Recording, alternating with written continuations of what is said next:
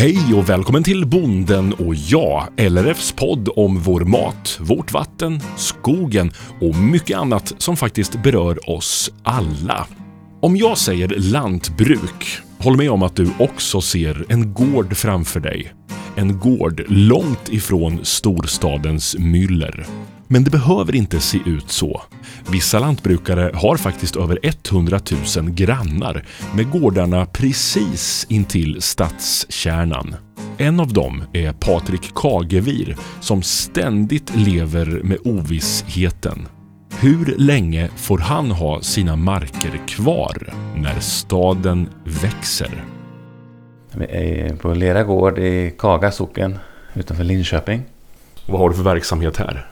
Ja, det är främst eh, växtodling och lite, lite entreprenad och lite hus som vi hyr ut och så.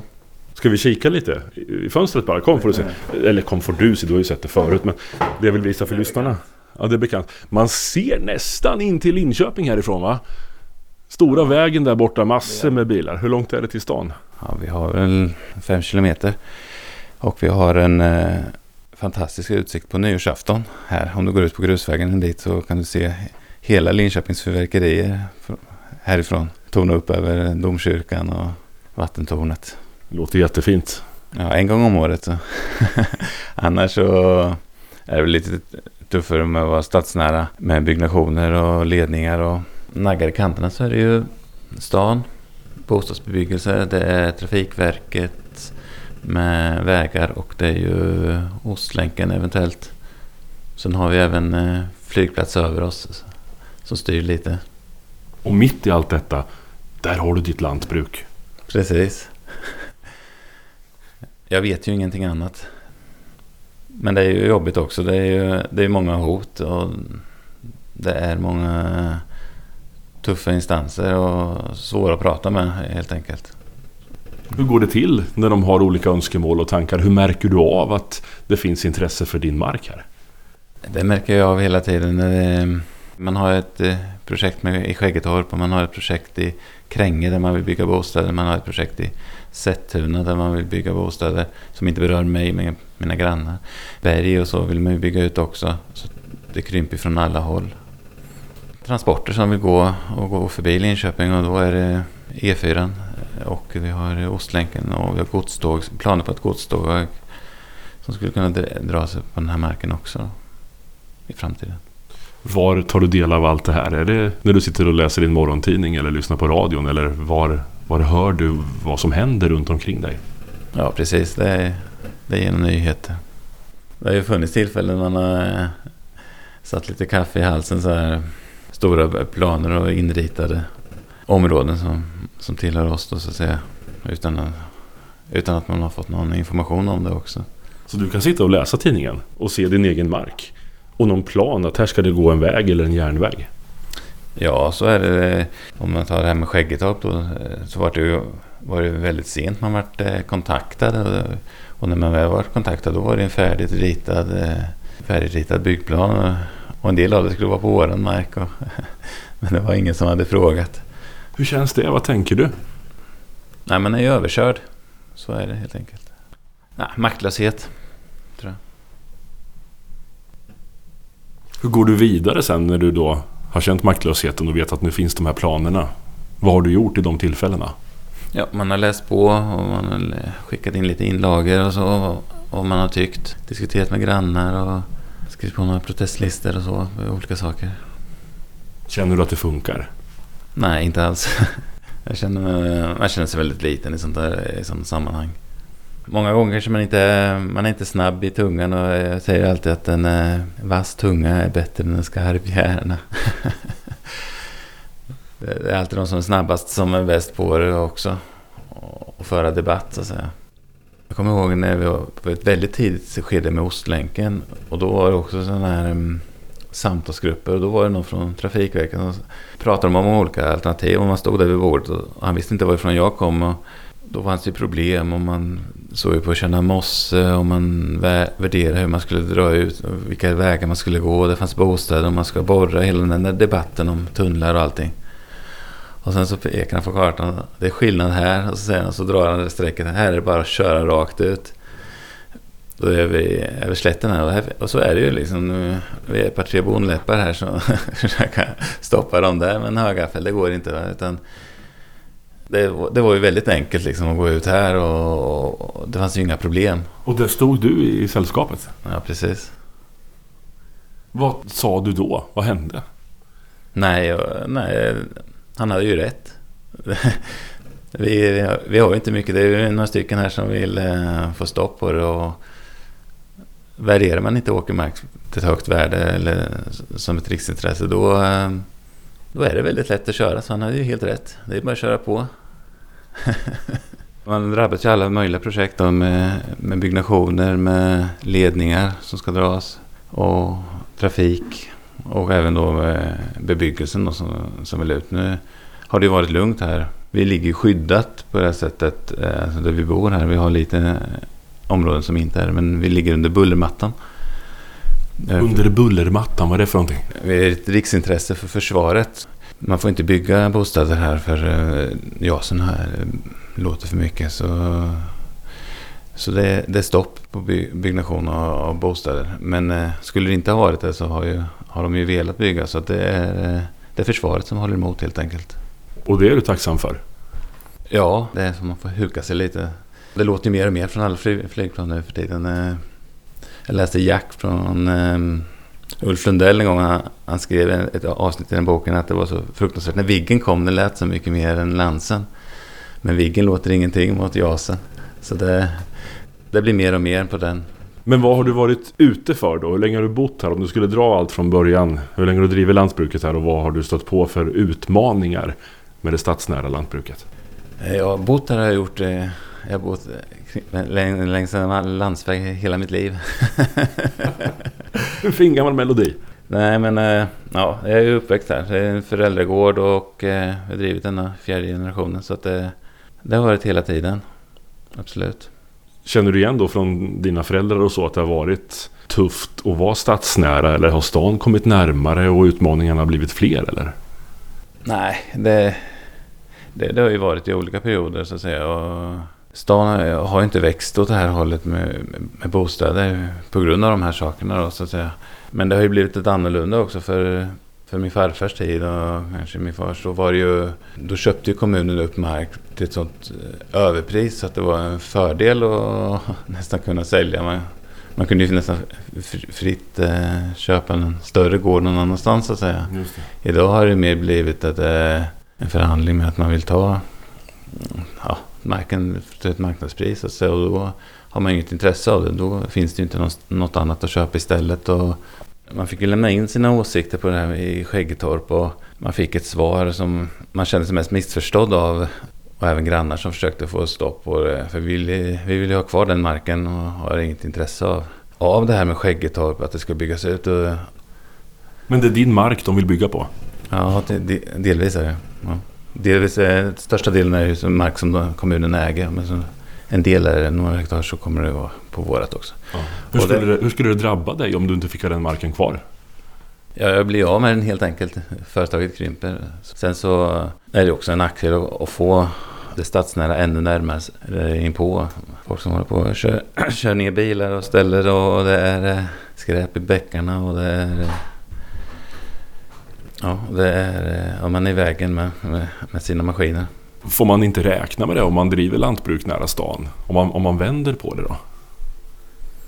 Jo, det kanske man får göra. Det, det är väl en fråga om äganderätten då i sådana fall. Då kan man ju vända på och se hur det var på 1960-talet då när det nästan var en förmån att få sälja en liten bit och, och, och kunna satsa på någonting annat istället. Om man skulle vilja bygga vid Skäggetorp och ta din mark där. Får man göra det? Kan de bara säga, bestämma det då? Jag vet inte hur det här går till. Nu tar vi marken. Vi har läst vad du har skrivit Patrik, men det här eh, tycker vi inte lika som du om. Ja, man har ju någon rätt där med att expropriera sig fram. Det jag har varit kontaktad var från kommunen då var att de nästan ville att de skulle lägga fram eh, en plan och sen så skulle jag kunna sälja den där marken. Så de ville på det sättet. Men jag hade ju, eller har inget intresse av det. Och sen eh, så, så känner jag mig ganska trygg i båten när eh, jag vet hur svårt det är att stångas med Försvarsmakten och ett riksintresse. Så att, eh, Du hoppas på att du får marken kvar för att här flyger det JAS. Och då kan ingen bo här. Ja, jag, jag får känna mig lite skyddad av JASen eller av försvaret i det här fallet.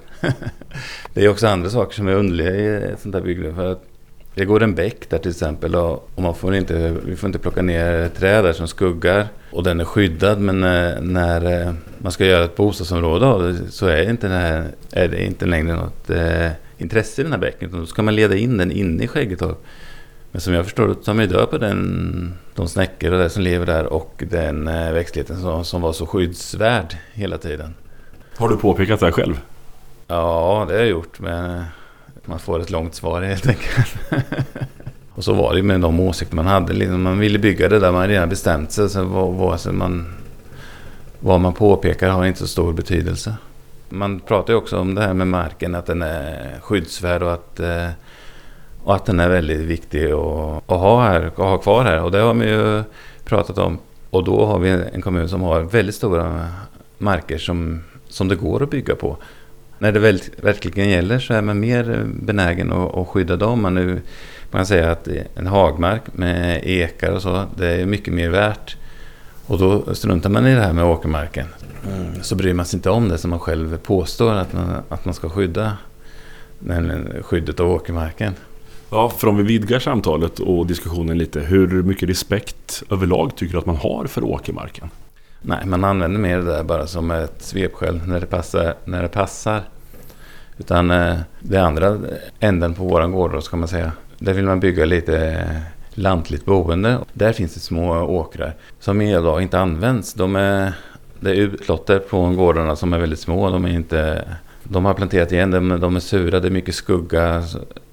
Det är helt enkelt inte något värde i det. Där har ju många lämnat in och vill bygga och använda den marken till bostäder. Och där säger man nej och säger att man ska skydda marken. Att eh, man inte får bygga på åkermark. Och sen i andra änden av den här gården. då, där kan tänka man sig eh, kriga med försvaret för att få bygga på åkermark. Och köra liksom huvudet i betongväggen för att få bygga. Och skiter fullständigt i det här med att skydda åkermark. Nu, nu är inte de andra här, den andra parten, kommunen, de är inte här och kan försvara sig måste jag ju säga. Det här är din åsikt. Men vad beror det på, tror du, att man inte enligt dig då har bättre förståelse för, för åkermarken och dess betydelse?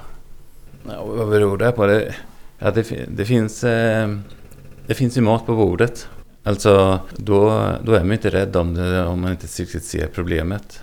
Och så är det ju. Alltså, det finns ju mat att få, få tag i. Och, men eh, ser man framåt så, så försvinner ju åkermarken. Och framförallt så försvinner ju åkermarken i andra länder.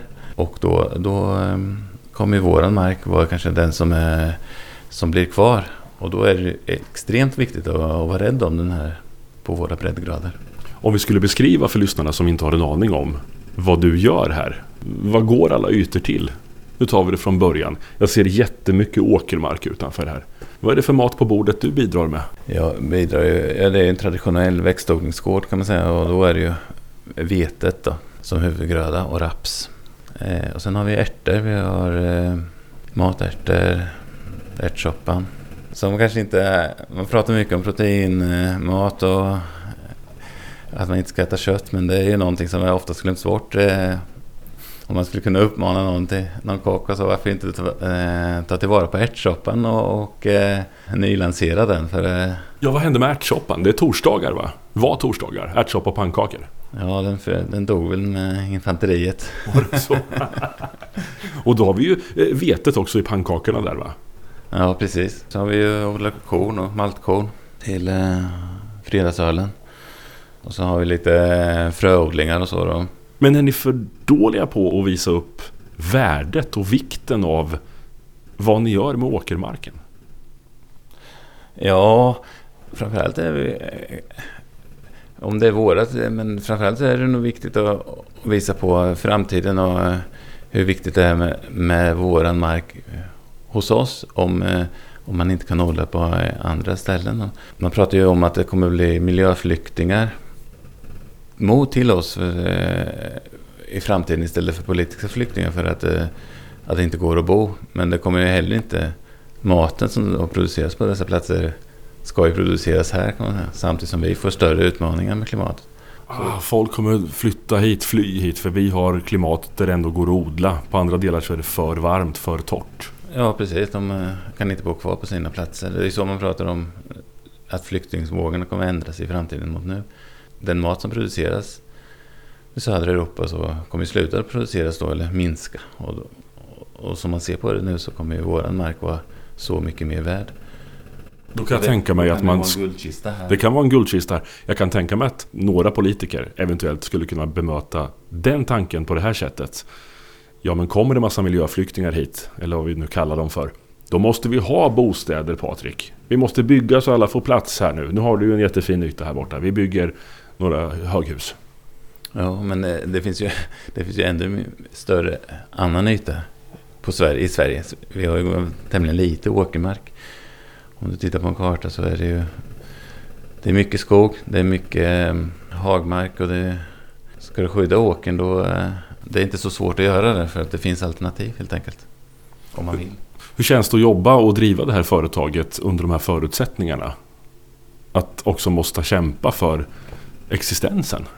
Trafikverket och kommunen är ju inte så, så lätta att ha att göra med. Och det kan vara enklare saker som med vattenavledningar och saker. Med, och till utbyggnader där man egentligen inte har någonting att säga till om. Utan, ja, man är lite inklämd så och inte riktigt eh, rätten på sin sida. Så. Jag kör på helt enkelt. Eh. Men kan det drabba om du vill satsa eller på något sätt utveckla och sådär? Kan det vara svårt att veta ja. hur framtiden ser ut, tänker jag? Ja, så är det ju. Man har ju på sig på alla håll. Och Försvarsmakten har ju från det hållet så får vi inte bygga vindkraft och så. Vi har haft en gasledning och, och godsspår som de har pratat om. Så det är svårt om man vill bygga animalieproduktion och vart vi skulle kunna bygga på den här platsen. Det är lite stängt så på det sättet. Så du vågar inte satsa riktigt för du vet inte om marken finns kvar? Jo, vågar satsa men eh, det har inte kunnat. Det har ju varit eh, när de skulle dra den ledningen här, gasledningen, så, så skulle det bli ett byggförbud precis bakom lagorn. Då, då hade man ju det att förhålla sig till. Och då kanske man inte ville bygga just då, eller, och inte hade en plan. Men då, då var det ett stopp för all framtid att här bygger du inte mer, så att säga, någonsin. Utan då blir det ett byggförbud för att skydda den, den ledningen. Hur hanterar man det då? Jag har ju träffat många lantbrukare i den här serien har så otroligt mycket att göra. De jobbar med olika saker och de jobbar ständigt för att få ekonomin att gå ihop. Jag antar att du sliter ganska mycket med din verksamhet också för att få det att funka. Så ska du hinna med det här också och kämpa och fundera på framtiden. Ja, absolut. Nej, men det... Man får vara positiv. Det, det får man ta med tillförsikt och säga. Och man får hitta de vägar, man måste hitta de vägar som går och satsa på det. Så... Du verkar kolugn. Du har aldrig varit sådär irriterad över det här eller? Jo, det, det kan man väl vara. Men det, man, kan inte, man får förhålla sig till det istället utan eh, hitta de lösningar som går. Men om du jämför hur det var när far och mor drev det här mot nu. Har stadens närhet påverkat utvecklingen på något sätt om du jämför? Ja, här har vi det ganska likt. Vi har ju vägarna också där som, som kom då kan man säga. Och det är också ett oro med, med mer och mer trafik. Och ibland så pratar man ju om ytterligare ett, eh, en fil på E4 och, mellan Linköping och Norrköping här.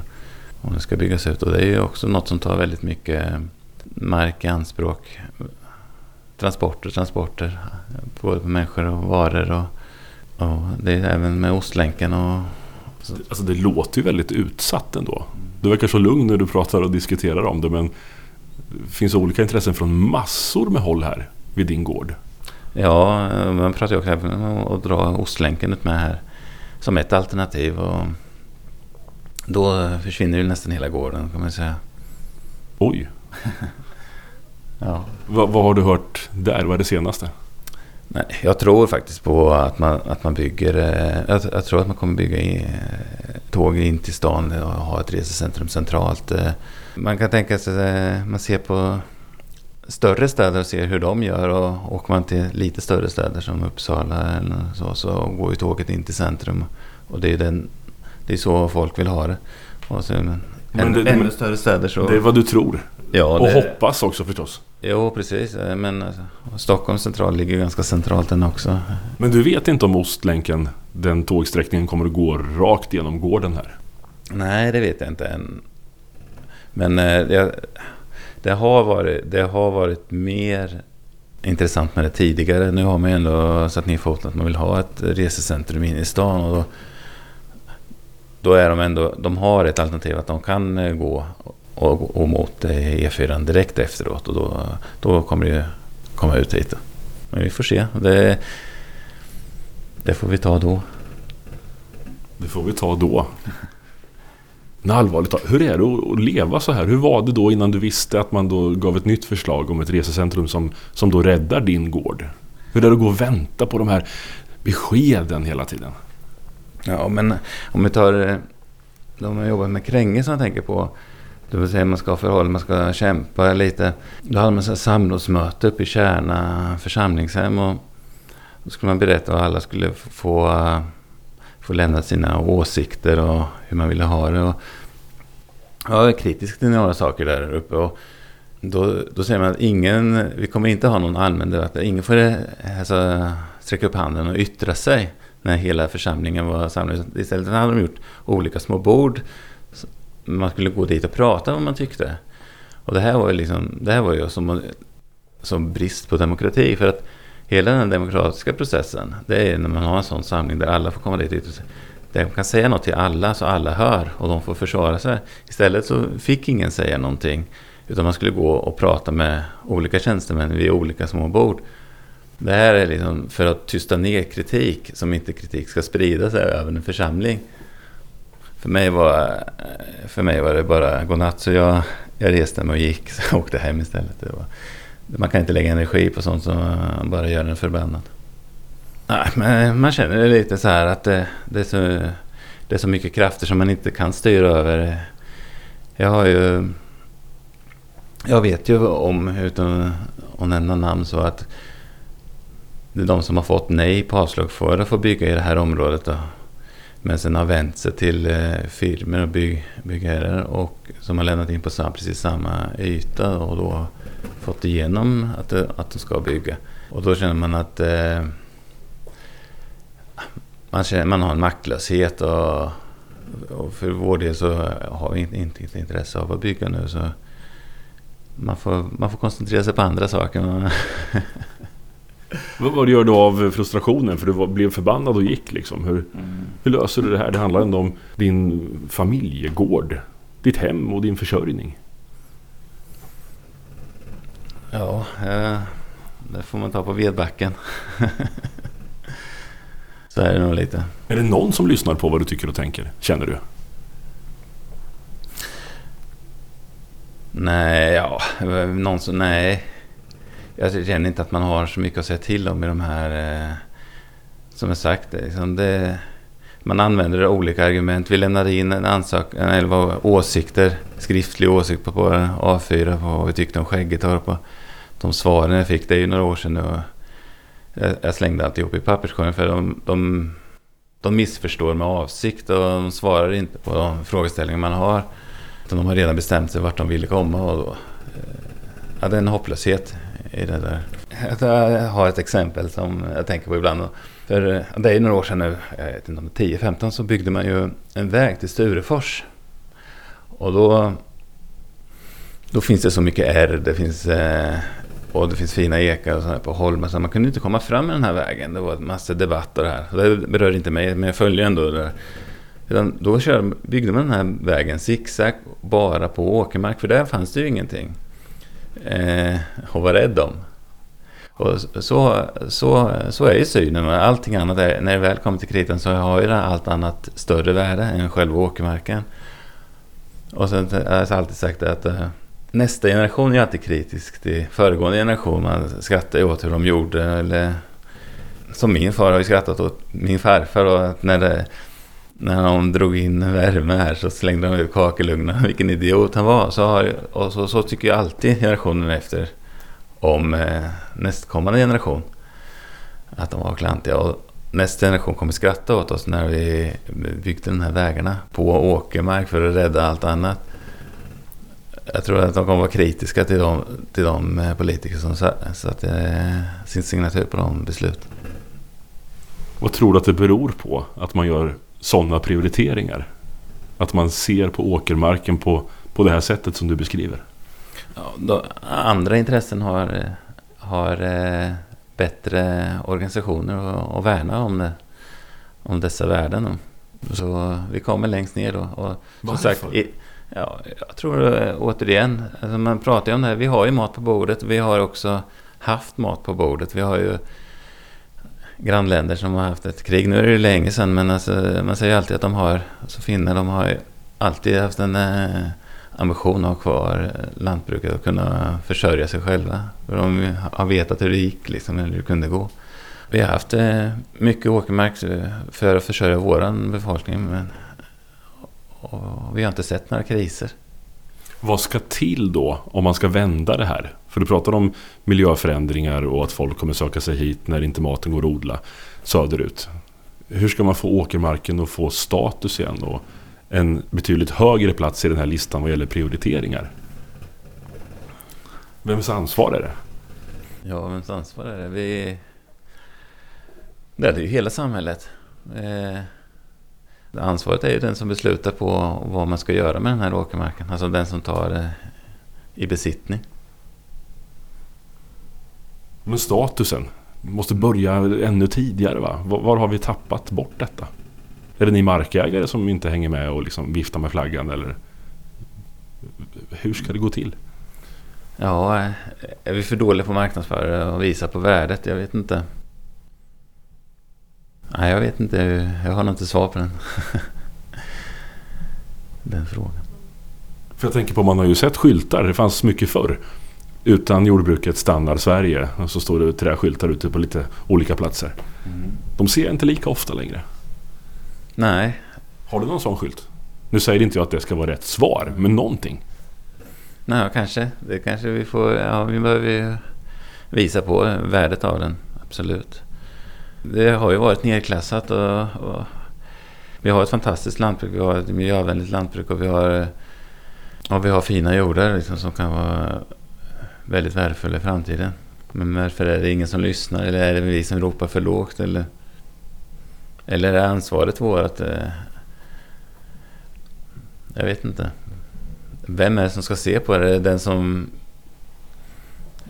vill ha maten och har väl också ett ansvar att, att ta reda på vad, vad som krävs. Liksom. Vad som behöver skyddas. Vad ser du för framtid här nu då? Vad tänker du om åren som kommer? Jag känner ju lite så att eh, så flyttar man på flygplatsen och det kan ju komma med ett vingslag. Då är, då är vi nog ganska körda här så att säga. Då bygger de ju här, då kommer man vilja ta det här i anspråk. Det har kommit sådana förslag genom åren och ett tag skulle det byggas ut på hela den här ja, området mellan Skäggetorp och Malmslätt kan man säga. Och sen har det försvunnit och det, och det har alltid varit eh, flyget som har legat i vägen kan man säga. Så, så de är ju här och nafsar hela tiden så att säga. Så att skulle, skulle vi slippa planen så skulle vi få andra bekymmer kan man säga med att bli kvar här, absolut. Det ligger ju här inklämd och så länge planen lyfter här så, eh, så blir det inte bostadsbebyggt. Man har ju planer, man har ju planer även i Sättuna. Vilket inte berör mig men där man har haft ganska stora planer att bygga villor och så. så man är ju och ringar in hela tiden här. Och så den dagen, eh, den dagen flyget skulle försvinna, eller om det försvann, så har marken inget värde att inte bygga på, på den längre. Utan det, utan det är flygplanen som skyddar oss. Så det är flygplatsen Malmen, det militära kan man väl säga, som, som du skyddas av. Just nu då i och med att det dundrar och brakar när de flyger så får man inte bygga här. Men flyttar de Malmen då, då känns det som att det blir mer attraktiva bostadsmarker. Precis. Då, så nära stan så vi, kommer de inte ha någon, se åkermarken som något värde. Och det är fi, väldigt fin åkermark måste man säga. Här, eh, ska man ha ett ekonomiskt värde så är det ju den, den bra marken som är mest skyddsvärd ändå. Alltså det, är, det är ju där det går att odla mest så att säga. Och också den, den mark där det växer när det torkar. Vi har våra stövalier som kan producera vete även torrår som 18 och på det sättet är det, den marken unik, lite. Jag kan ju hitta på en annan sysselsättning. Men det som försvinner är åkermarken. Den kommer ju aldrig tillbaka. Alltså, jag klarar mig alltid men eh, den är borta. Och det är nog där man ska lägga fokuset. Du behöver inte tycka synd om mig. Du ska nog vara mer rädd om att den, den mark som finns här försvinner för alltid.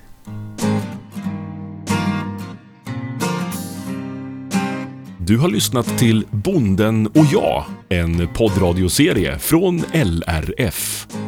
För fler avsnitt och intressanta ämnen, klicka dig bara vidare. Jag heter Mattias Lindholm och är programledare och producent för den här serien. Hoppas vi hörs snart igen.